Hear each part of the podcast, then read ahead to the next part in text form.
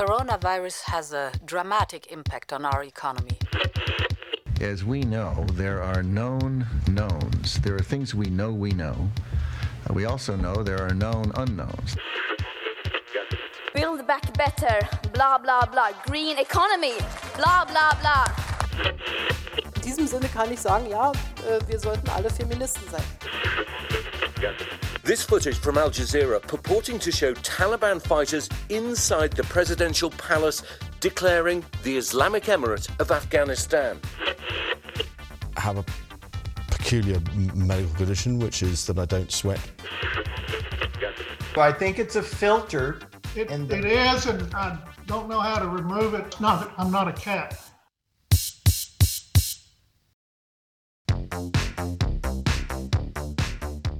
Þú ert að hlusta á heimskviður Í heimskviðum er fjallað um það sem gerist ekki á Íslandi.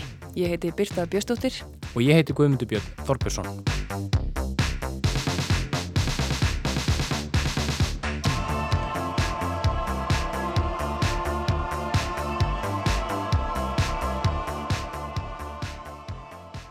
Í heimskuðum í dag ætlum við að fjalla um Havana heilkennið, svo kallaða undarleg veikindi sem virðast leggjast fyrst og fremst á bandaríska sendiráðsstarfsmenn víðan heim.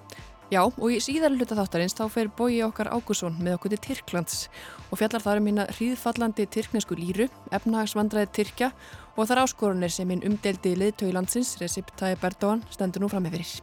En við hefjum heimskuður þessa veikuna á stórfréttum frá Breitlandi. Welcome back. We got some breaking news to bring you now, and this is quite a significant story. The High Court has been ruling on whether to overturn a decision or not to extradite Julian Assange to the United States. Við heyrim hér í fréttamanni Sky sjónvastöðurinnar fjalla um stærsta fréttamál gerdagsins. Hér í heimskuðum höfum við áður fjallað um ítarlega mál Julian Assange og framsalskröfu bandarækjastjórnar á hendur honum. Við fjöllum um réttarhöldin yfir Assange fyrir haust og einnig í fyrra vor þegar þau voru ný hafin. Assange hefur sittið í gæstlöfuarðhaldi í Belmars öryggisfangilsinni í Lundunum síðan í april 2019 en hann var tekin höndum í sendiráði Ekvators í Lundunum af beðni bandarískra stjórnvalda sem saka Assange um njóstnir og fyrir að afhjúpa leynileg gögn sem stjórnvaldildi ekki deila með almenningi. Bandaríkin vilja fá Assange framseldan til sín svo hægt sé að rétta yfir honum þar. Hinga til hefur svo ósk ekki ræst. Í sumar höfnuðu dómarar framsalsköfu bandarækjastjórnar. Lögmenn bandarækjastjórnar heldu því fram að lífi og heilsu að sans erði ekki ógnað í bandarísku fangelsi en geðlaknar heldu öðru fram. Í haust fluttu svo lögmenn að sans mál sitt fyrir réttinum og í kjölfarið var gert hlýja á málinu á meðan dómarar réður áðum sínum. Og í gær komist þeirra niðurstöðu, niðurstöðu sem er bandaríkjastjórna skapi. Breskum stjórnvöldum er nú heimilt að framselja Julian Assange til bandaríkjana. Hins vegar, þar sem þetta mál var tekið fyrir í einum af lægri domstöfum breska réttakjörisins, lág alltaf fyrir að domnum yrði áfríða til hæstaréttar, færi hann á þessa leið. Julian Assange og hans teimi munu áfríða þessum dómi og því ljósta að þessu máli er hverginæri lokið en hann er ekki leið upp í flugul á morgun og í bandarist fangilsi. En farið það svo að þessi dómur verði látin standa þá fer þetta mál inn á borð innaríkisræðara Breitlands Priti Patel. Það er því höndum breskra stjórnvalda hvort Assange verði að endingu framseldur til bandaríkina. Og þessa niðurstöður, já, komið þar óvart. Bæði og, því að já, málflutningur bandarækjamanna eða bandarækjastjórnar, hann byggir á njóstnalögjöf frá 1917 og er Assange í raun ásakaður um njóstnir en lögmenn hans, þeir haldaði fram að Assange hafi náttúrulega aðeins verið að stunda bladamennsku með að deila þessum skjölum. Fólk greinir á um þetta og þessar niðurstöður er kannski sérlega áhugaverðar í ljósi þeirra tíma sem við nú lifum, þar sem fjölmila frelsi og réttur bladamanna til að stunda frjálsa bladamennsku virðist standa víða höllum fæti. Já, samtökinn fréttamenn án landamæra byrtu í vikunni skýslu þar sem framkemur að frá því að heimsfaraldurinn hófst hefur mál og tjáningafrelsi minkað víða um heim. Ekki aðeins í ríkjum sem þegar setja bladamennum þröngaskorður heldur einni í stöndugum líðræðisríkjum eins og í bandaríkanum. Og þessar fregnir í gær af Julian Assange komu á sama degi og bladamennir Maria Ressa frá Philipsheim og rússin Dimitri Muratov tókuð á móti fríðavelnum Nobels fyrir að gera einmitt það sem stjórnvöldi þeirra heimalöndum vilja ekki. Þau stunda frjálsa fjölmiðlum og ganga ekki erindan eins nema sannleikans. En eins og við sögum á hann, þá er þessu máli þó hverginæri lokið enn og búast má við áfríun frá Julian Assange og hans teimi. Já, og ekkert endla víst að þetta verið síðasta skipti sem við fjöllum um þetta í heimskuðu. Nei, ég myndi telja óleiklegt að við fjöllum ekki framar um Julian Assange. En þá að allt öðru og þó þetta mál sem við ætlum að byrja heimskauður á í dag, það tengist jú bandariskum stjórnvöldum að einhverju leiti. Havana heilkennið eru veikindi sem fyrst var þart árið 2016. Ólíkt flestum öðrum sjúkdómum virðast veikindin fara í manngreiningar álitt. Um 200 tilkynningar um veikindin hafa borist bandariskum yfirvöldum. Um helmingur þess hóps eru starfsmenn leini þjónustu bandaríkjana og fjölskyldur þeirra. Hinn helmingurinn dreifist jæmt á milli starfsmanna varnamálaráðunitisins og utanríkis ráðunitis bandaríkina. Þrátt fyrir ítarlega rannsóknir hefur enn ekki tekist að rekja orsakir veikindana sem bandarískir diplómatar hafa fundið fyrir víða um heim. Birta tekur nú við. Kamala Harris var að fórseti bandaríkina gerði viðreist um Asíu í ágúst síðastleinu. Á meðan fórsetin Joe Biden stóði í stafni heima fyrir og varði í gríð og erg ákvarðanir tengdar brottkvarfi bandaríkjæðs frá Afganistan var Harris sendt út á verkinni til að hitta mennina. Líklega var korki áfangastæðurinn í tímasetningin til viljun. En ferðalag Harris og pólitískur tilgangur þess verður reyndar ekki til umfyllunar hér, allavega ekki að þessu sinni. Meðal fregna sem bárust af ferðalaginu var töf sem varð á komu Harris til Vietnam. Ástæðan fyrir senkunni var svo að grunur kom upp um möguleg veikindi bandarískra embættismanna í Hanoi. Þeir voru sagðir þjást af Havana heilkerinu. Blásið var til bladamannafundar og Jen Psaki, talskona kvítahúsins, sagði að þar á bæ var í öllum vísbendingum um Havana heilkennið tekið mjög alvarlega. Okay, um, so um, we, uh, we of course um, take any uh, reported incident of Havana syndrome seriously. Um, and while um, and this is not a confirmed case at this point in time, we take any reported incident, which was recent and was reported publicly, I will note, quite seriously. Uh, as a result, um, there was an assessment done of the safety of the vice president, uh, and there was a decision made that she could continue travel along with her staff. It was not a person traveling in her party or anything along those lines. Það sem einstaklingurinn sem grunaður varum að þjást af hafana heilkerinu var korki í starfslið Harris, nýjafði viðkomandi verði í nákrenni við varafósettan, var hægt að halda ferða á formundi streitu, saði talskona kvítahúsins.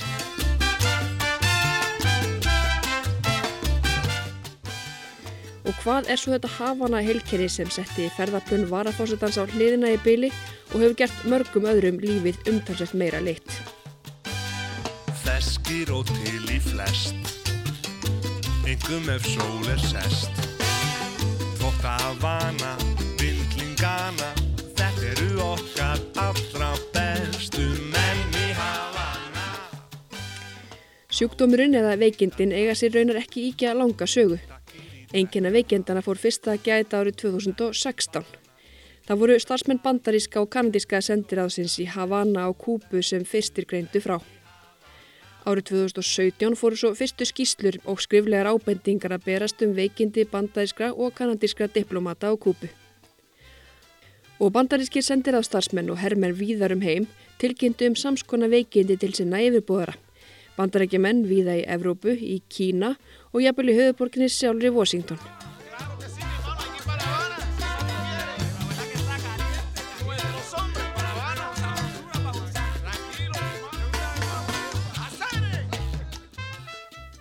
Og það voru ekki bara bandarísku embættismenninir, heldur í mörgum tilfellum fjölskyldur þeirra líka. Þetta voru framann af hins vegar ekkert ólega margir einstaklingar, töldu ekki 30 manns árið 2018. Í dag hafa borist um 200 tilkynningar um enginni sem svipa til hafana helkenninsins.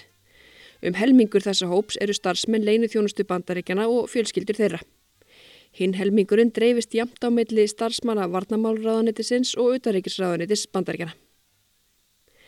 Embætismenn í Rúslandi, í Pólandi, Östuríki, Georgiu, Tævan, Kolumbíu, Kína, Kyrkistan, Breitlandi og Úsbekistan hafa fundið fyrir samskonar einkennum.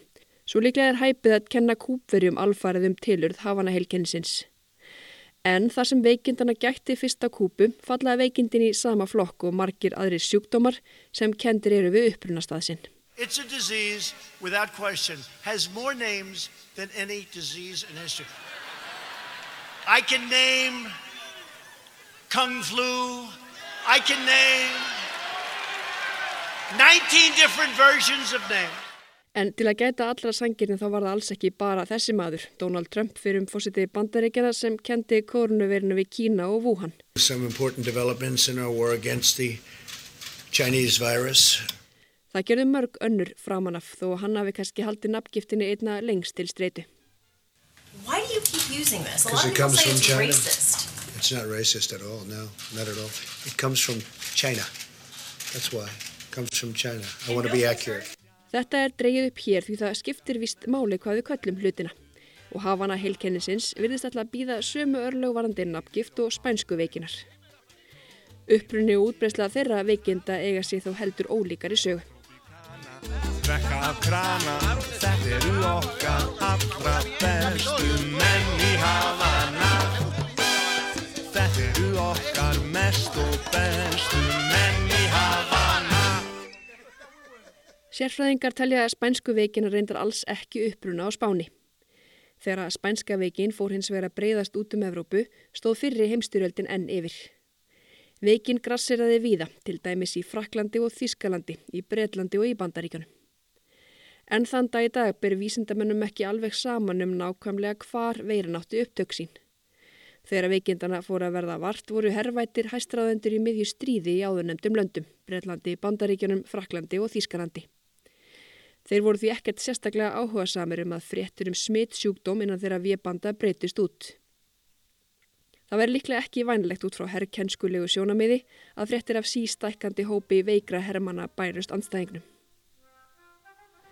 Spánverjar höfðu hins vegar líst yfir hlutleysi fyrir heimstyrjöldinni og voru því ekki eins uppteknir af því að þakka niður fregnir af bráðsmitandi pestinni sem nú bast manna á milli. Vorið 2018 hófu spænsk dagblöð að skrifa um smittsjúkdóminn sem byrjaður var að breyðast út í Madrid. Skrifin gáði fólki þá tilfinningu að uppruna smittana mætti reykja til spánar.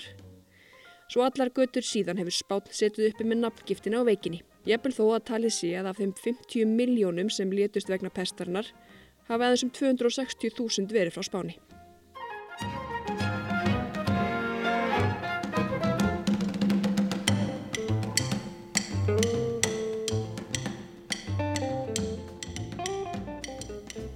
Faraldsfræðingar hafa bent á að nafngiftir sem þessar geti verið hættulegar. Til dæmis vegna þess að fái fólk þá tilfinninguna að sjúkdómar séð mestu bundni við eitt svæði fjarrið þeim getur það dreyið úr áherslu á smitvarnir. Fólki þykir kannski ólíklegra að smitast af Wuhan veirinu uppi á litla Íslandi til að nefna dæmi.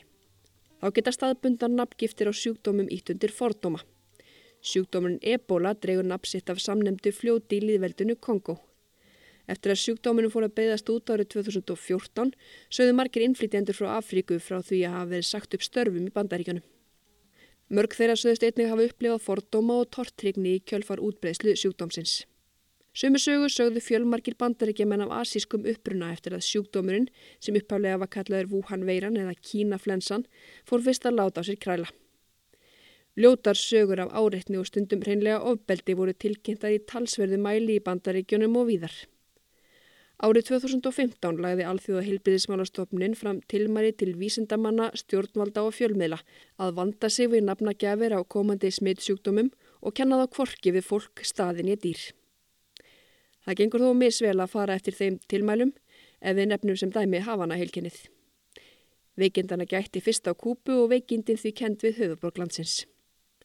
Ólíkt korunverunni, ebólu og spænsku veikinni leggst hins vegar hafana heilkennið ekki á hvert sem er.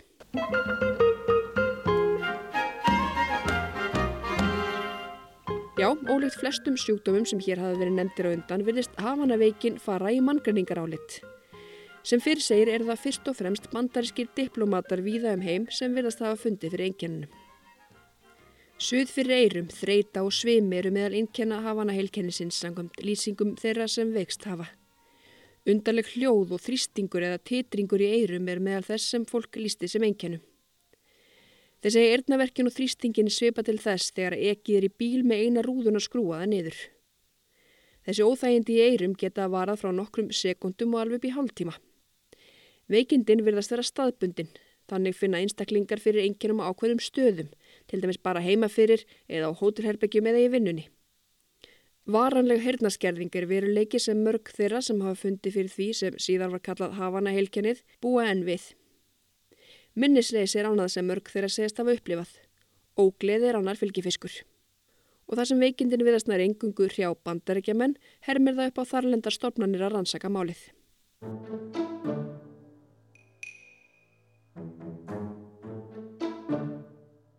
Og veikindin hafa verið rannsökuð innan ímissa stopnana í bandaríkjunum og eru víða enn til rannsóknar. Niðurstöður að rannsókna á vegum bandaríska auðarreikilsraðunitisins benda til að erðna óþægindin hljóti að orsakast af annarkvort einhvers konar árás eða að hinn veiku hefði verið í nákvæmni einhvers óskilgreints búnaðar sem gæti útskýrt einkennin. Skadalegar hljóðbylgjur hafa verið nefndar sem möguleiki í þeim nefnum, inn hljóð sömu leiðis. Og fyrir ykkur hlustandi góðir sem eru eins og ég og vitið ekki hvað inn hljóð er, útskýrst það hér með að inn hljóð eru láttíðni hljóð sem mann segða nemur varla eða ekki, en geta einhverja síður haft talsverð áhrif. Hluti innri eirans nemur inn hljóð og það svæði eirans getur skinnjað hluti sem hafa áhrif á til dæmis jafnvægi. Bílveiki og sjóveiki og önnur ógleði geta til dæmis verið fylgifiskur jafnvægis óreglu í innra eiranu.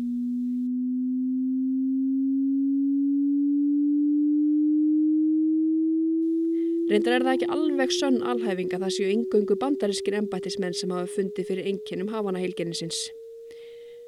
Starfsfólk í kanadíska sendiröðun á Havana kentu sér meinst þarna upphafi eins og áður var getið, en þó ekki eins miklu mæli og bandarískir kollega þeirra. Rannsók kanadíska vísindamanna á engjörunum bentu til að orsökinn lægi í skordýra eitri. Á þessum tíma herjaði síka veiran nefnilega á mið- og Suður Ameríku. Sendiráðun voru bæði úðuður reglulega með eitrinu sem inniheldur bæði efnavopnið sarín og taugaeitur.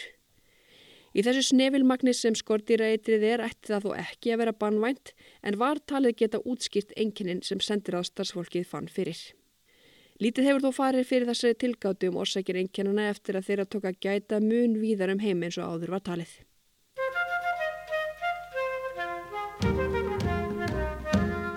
Í fyrstu fóru bandarísk stjórnvöld hægt í sakinnar við rannsóknir og önnur viðbröð við tilkynningunum um enginnin og útskýrði. En síðla árs árið 2017 var tveimur kúpönskum diplomötum sagt upp störfum vegna grunns um vittneski um veikindin og orsakir þeirra. Einum mánuði eftir það var allt bandarist starfsleið sem ekki var talið gegna lífsnöðslegum störfum í Havana sendt aftur heim til bandaríkjana. Ein af kenningunum var að kúpverska leinithjónustan hefði gert einhvers konar hljóðbylgju árás á sendiráðin með einhverju áður óþektu vopni. Og bandarækjaman voru kvartir indriði til að ferðast ekki til kúpu. Þáverandi fósiti bandarækjana Donald Trump var sannfærður um vittnesku ábyrð kúpverska stjórnvalda og veikindum landa sinna. Do you believe Cuba is responsible? I do believe Cuba is responsible. Do you plan on closing the embassy? Og þó utaríkisráðuneyti bandaríska hafi rannsaka málið hefur leinið þjónusta bandaríkina CIA haft formlega rannsóknin á sinni könnu. Enda bandaríkjaman alla jafna ekki sparir á viðbúna þegar grunnur er um að fulltrúar erlenda ríkja hafi á ekkert hátt farið yfir mörg landaðira.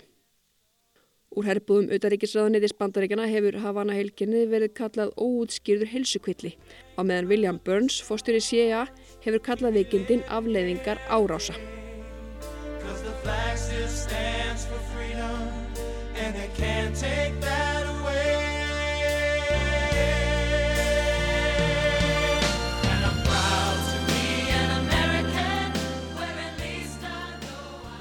Bandarísk stjórnvöld ætla ekki að bregðast þegnum sínum. Antoni Blinken, utaríkisræðara bandaríkjana, skipaði fyrir haust Jonathan Nockwood Moore, nýjan samhæfingastjóra í upplýsingum og viðbröðum við tilkynningum um Havana heilkenni, diplomata og annara embætismanna. Nýja samhæfingastjórunum er gert að halda utanum allar tilkynningar og knýja á um rannsókn á mögulegum orsakavöldum veikindana. Mór þessi byrjar með stút fullt borð af tilkynningum um veikindi diplomata um heim allan. En þrátt fyrir ótal kenningar sem flesta voru raktar hér áðan hefur bandarískum yfirvöldum ekki tekist að sláði föstu hvaða er nákvæmlega sem veldur veikindunum. Þau eru þó hverki hætt rannsókninni. Þetta snýst um heilsu og öryggi okkars fólks. Það er ekkert sem við tökum alvarlegar en það, sagði utreikisræðran Blinken þegar hann skipaði áður nefndan samhæfingastjóra í síðasta mánuði. Og það gerist fleira í síðasta mánuði. Bandaríska alrikislaugan FBI sendi viðvörun á alla starfsmenn sína vegna hafana heilkennisins. Það var gert til að upplýsa starfsmennina um tilurð veikindana, möguleg einkenni og leiðbynningar finni FBI liðar fyrir einkennum eða grunni að þeir hafi veikst. Í brefin eru veikindin kölluð óvanalegur heilsubrestur. Þar kom sömulegis fram að viðbröði veikindunum og rannsókn og orsökum þeirra var í algjörum forgangi.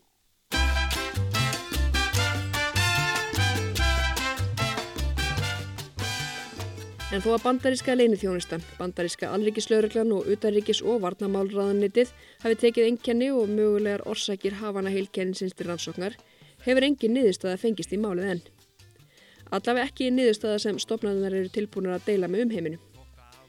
Lang líklegasta skýringin sem stopnarinnar hafa hingað til komist að er að orsök veikindana séu hljóðbylgjur. Undir það tekur vísindar á bandaríkjana sem sömu leiðis hefur haft máli til rannsóknar. Sé það raunin þá standaðu þetta eftir margar spurningar. Hvaðan koma þessar hljóðbylgjur? Vopn með þessa virkni eru sannarlega til en er Havana heilkennið hernaður gegn bandaríkjunum? Og ef svo er, hver ber þá ábyrð á því? Því hlustandi góður verður við að svara í heimskviðum framtíðarinnar því þau svör líka ekki enn fyrir.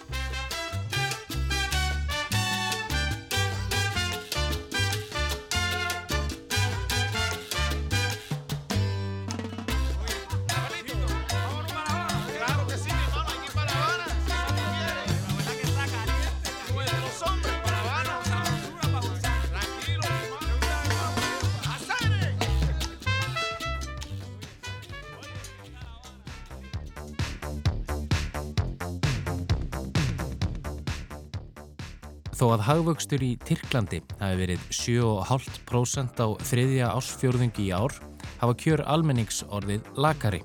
Ástæðan er mikið gengisfall tyrkneska gjaldmiðilsins og mikil verðbólka. Almenningur á í sífelt meiri vandræðum meðan á endum saman. Bogi Ágússon tekur nú við. 5'i 5 liradan aldı. Ha, bugünkü yediğim bu.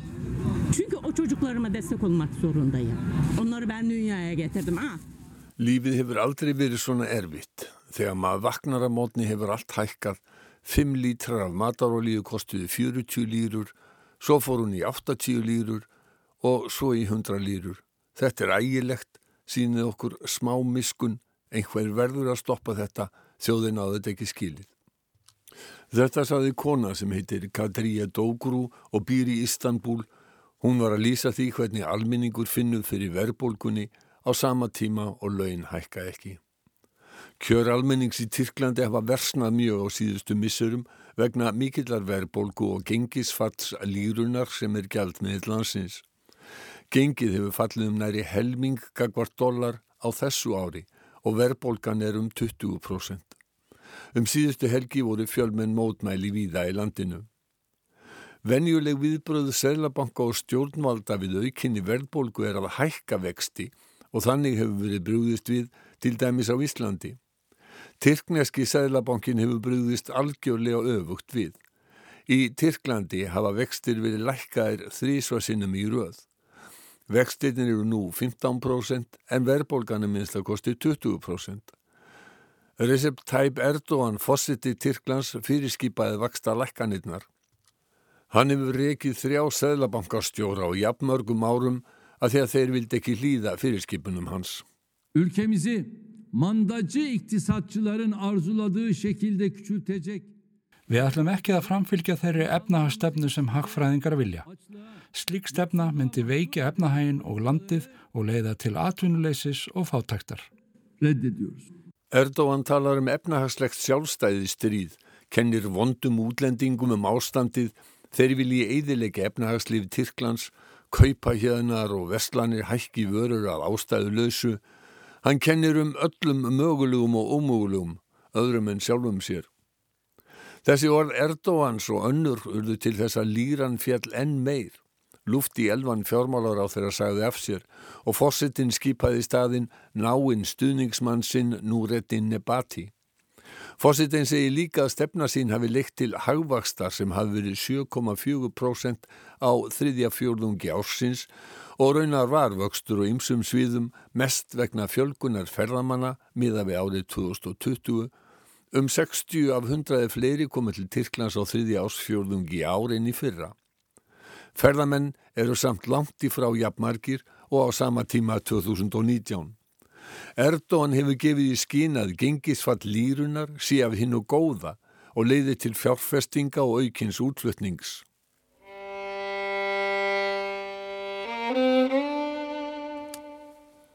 Tyrkland er á mótum Evróp og Asíu.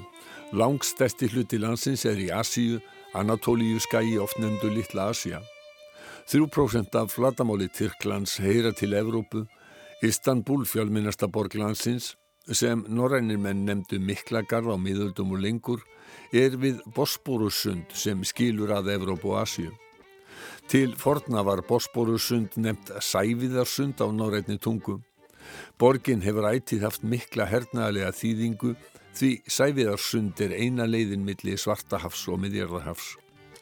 Tyrkland var eitt af stórveldum heims á tímum ottomanna soldána og réði viðfemur landi austur að Persaflóa, allir Norður Afríku, Gríklandi og stórum hluta Balkanskaga. Í Tyrklandi nútímans búa rúmlega 80 miljónir.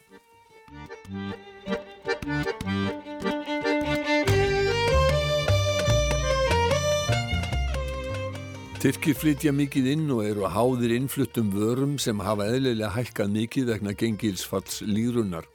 Sem og einning benda á að eldsneitisverð og fluttningskostnaður hefur hækkað verulega undanförnu og það bæti stofana og eigur verðbólgu raunar allstaðar. En ég vil matvörur sem framleitar eru í Tyrklandi hafa hækkað mikið. Talað er um að tómatar sem algengt er að nota í mat hafi hækkað um 70% á síðasta ári. Um 10 miljónir Tyrkja eru á lámarslaunum og þetta fólk verður verst úti. Lámarslaun eru tæplega 30.000 íslenska krónur og þó að vöruverð sé miklu læra í Tyrklandi og húsnæði ódýrara en á Íslandi dugar þetta tæpast til framfæslu og sannarlega ekki til þess að fólk geti lift sér margt. Frettamenn rættu við mann sem er á eftirlaunum og sagði að eftirlaun hans hefðu verið sem svarar 60.000 krónum á mánuðu þegar hann hætti að vinna en virðis rýrnun lírunar þýtti að hann fengi núna sem svaraði 25.000 krónum. Ben emekli olduğum zaman 450 dolar alıyordum. Şu an benim emekli maaşım 2500 lira 180 dolar ediyor. Eftirlauna þegin bætti við að hann væri til í að gefa Erdogan fósita eftirlaun sín ef hann geti sínt fram á að hægt væri að lifa af 25.000 krónum á mánuði. Óánægja með rýrnandi lífskjörir sínilegi fjölda mótmælum við svegurum landið. Þarna eru mótmælendur að krefjast þess að ríkistjórnin segja af sér þessum á líka við slagur sem við þekkjum, vanhæf ríkistjórn. Óanægin er ekki bara meðal hinn að fátækustu heldur einnig meðal miðstjættar fólks sem hefur verið vant því að geta kift til dæmis fartölfur og farsíma en þessar vörur hafa hækkað gríðarlega eins og aðrar innfluttar vörur. Vakstalækkun í mikilli verðbólgu kemur sér líka afar illa fyrir þá sem hafa verið að reyna að spara þar sem að fólk hefur nurlað saman mingar stöðugt að verkildi. Það hefur leitt til þess að sumir hafa keift gjalderi, dollara og efurur til að reyna að tryggja verkildi eigna sinna og það skapa svo aukinn þrýsting á gengi lírunar. Við skulum heyra í tveimur tyrkjum í viðbót, fyrst konu sem spyr, hvað get ég sagt fósittanum? Við lítum upp til hans, en núna höfum við engar væntingar. Vallahi ben ne diyeyim Cumhurbaşkanı ne diyeyim? Önce biz hepimiz ona baktık ama şu an ben hiç ona hiç beklentimiz yok. Burası zaten %70 hükümeti destekleyen. Ben kendi hükümete uyumu verdim. Maðurinn sem við heyrðum þarna í sagði að 70% íbúa í hverfi hans hefðu stutt ríkistjórnina. Hann hefði sjálfur kosið stjórnarflokkin en ætlaði sér ekki að kjósa fórsetan aftur. Erdogan segir að verðbólgan og gengisfalli sé á engan átt hans sög og að Tyrkir eigi í stríði. Güçlü bir duruş sergileyerek girdiğimiz her mücadeleden alnımızın akıyla çıktık. Við höfum ætið haldið fánanum hátt á lofti og komið út úr orustum með óskattaðan heiður. Með hjálpguðs og stuðningi þjóðarinnar munum við vinna sigur í þessu efnaðaslega sjálfstæði stríði eins og við höfum fyrr forðast ótal gildrur og krísur. Bu ekonomik kurtuluş savaşından da zaferle çıkartacağız. Þetta er hluti af orðræðu fósittans að tala um sjálfstæðisbaráttu og vond erlend öll sem ætli sér að eidilegja efnahag Tyrklands, peningabarónar sem vilji hækka vexti og græða, kannski er þetta eitthvað líkt orðræðin á Íslandi um fjármagsegundur. Erdogan vísar einnig til æðri máttarvalda, trúin er stór hluti af hugmyndafræði flokksins og Erdogans.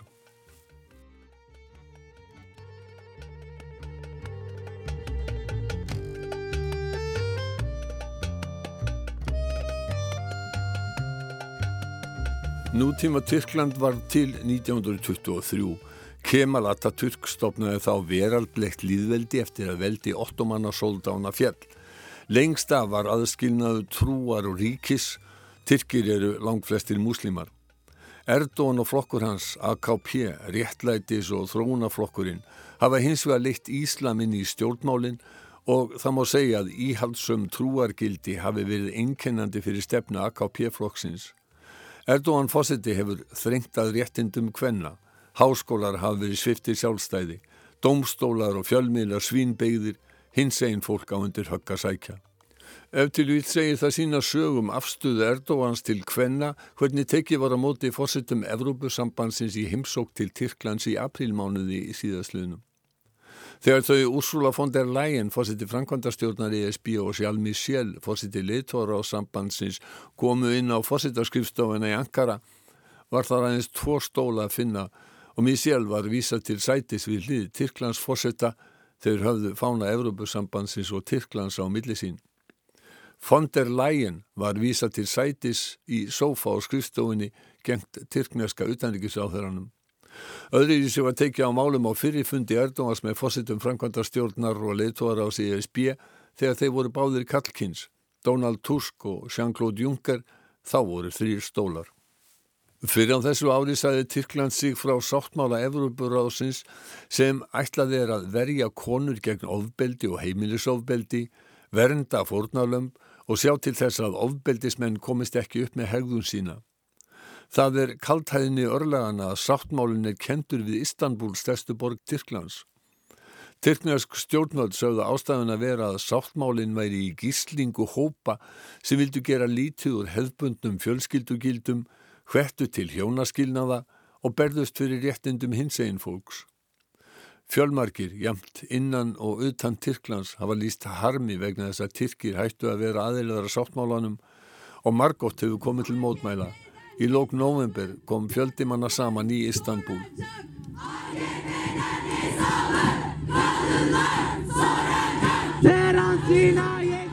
Í mótmælunum var kallað að morð á hins einn fólki og konum væru politísk morð. Fólk vildi búa við jafnrétti og frelsi. Konur ætlið ekki að þeigja lengur og að AKP-flokkurinn ætti að hætta afskiptum af börnum.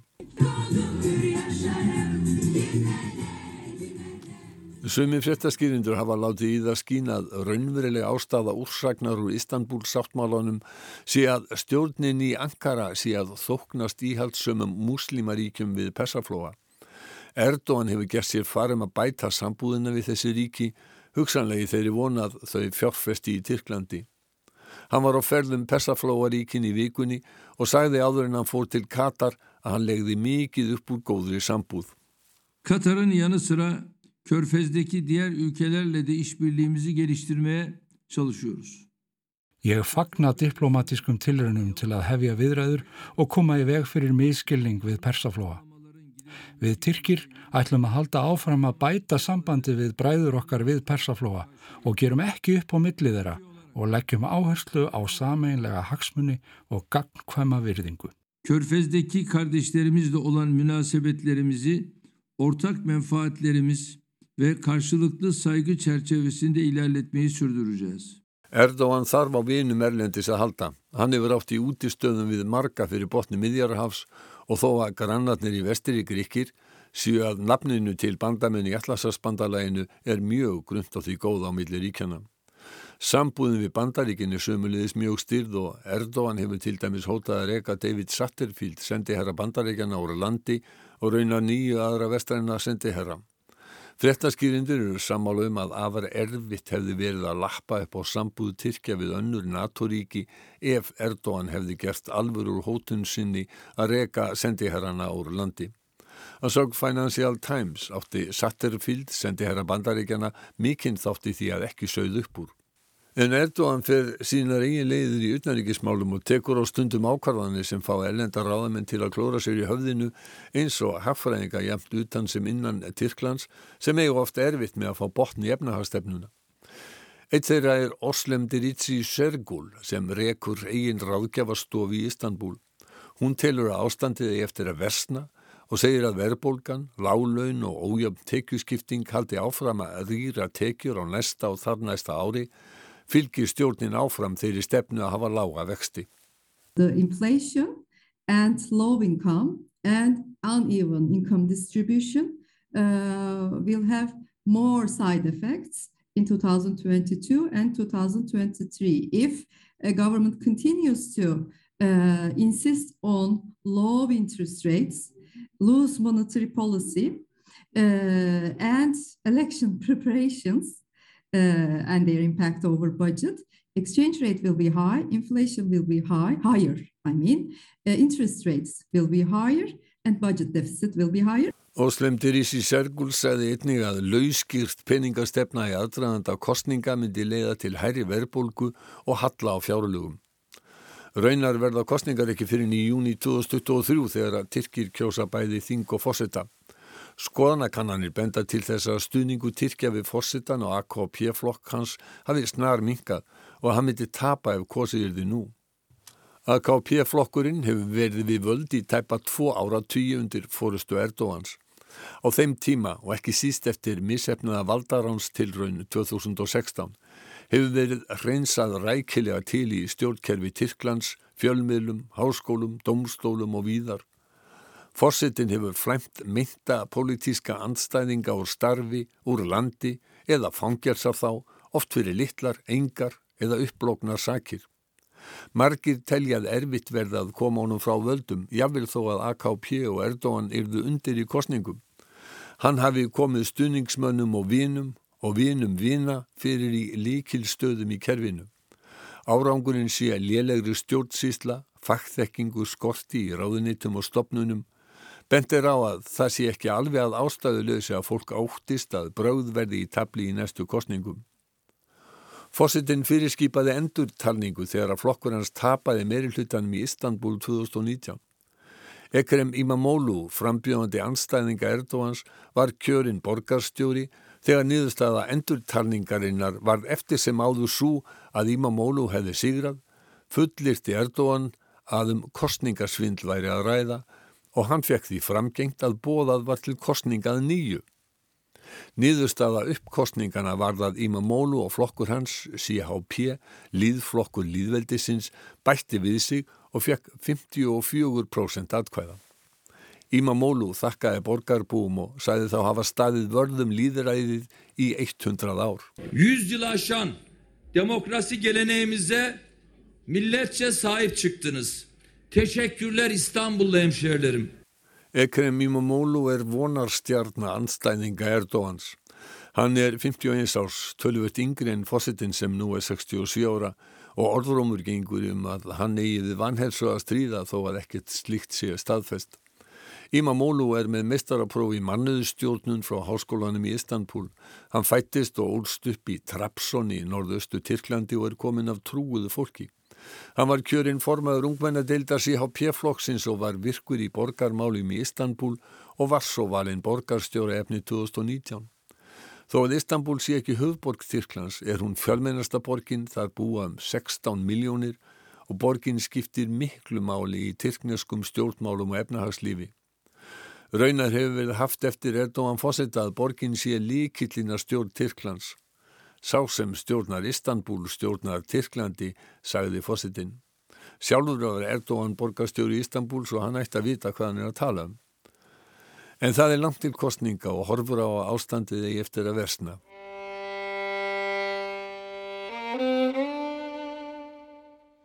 Auk þeirra vandamála sem við um gert að umræðefni í heimskviðum verður að muna að Tyrkir hýsa að minnstakosti fjóran miljóni flottamanna. Fleiri flottamenn bætast við á hverjum degi og óttast er að þeim eigi eftir að fjölga mjög sem flýja frá Afganistan. Evrópussambandi aðstofa Tyrki við að hjálpa flottamönnum gegn því að Tyrki hleypi þeim ekki áfram til Evrópu. En er peningagriðslu dug ekki fyrir öllum kostnaði. Vera flottamannana gæti átt eftir að skapa mikla spennu, útgjöld og erfileika. Fyrir glíma Tyrkir við næg vandamál. Við hóum þessa umfjöllun á að heyra í Katríja Dógrú sem lísti harðri lífsbaróttu sinni. Hún síndi í fréttamönnum fimm bygglur sem hún sagði vera allt sem hún legði sér til munstan dægin. Hún yrði að láta börnin ganga fyrir. Hún hefði fætt þau í þessa veröld. 5'i 5 liradan aldı. Aa, bugünkü yediğim bu. Çünkü o çocuklarıma destek olmak zorundayım. Onları ben dünyaya getirdim. Ha. Og það var Bói Ágúrsson sem átti loka orðin í heimskviðum að þessu sinni. Við verðum hér aftur á sama tíma í næstu viku. Og það verður síðasti þátturinn fyrir jól. Verið sæl og takk fyrir að hlusta.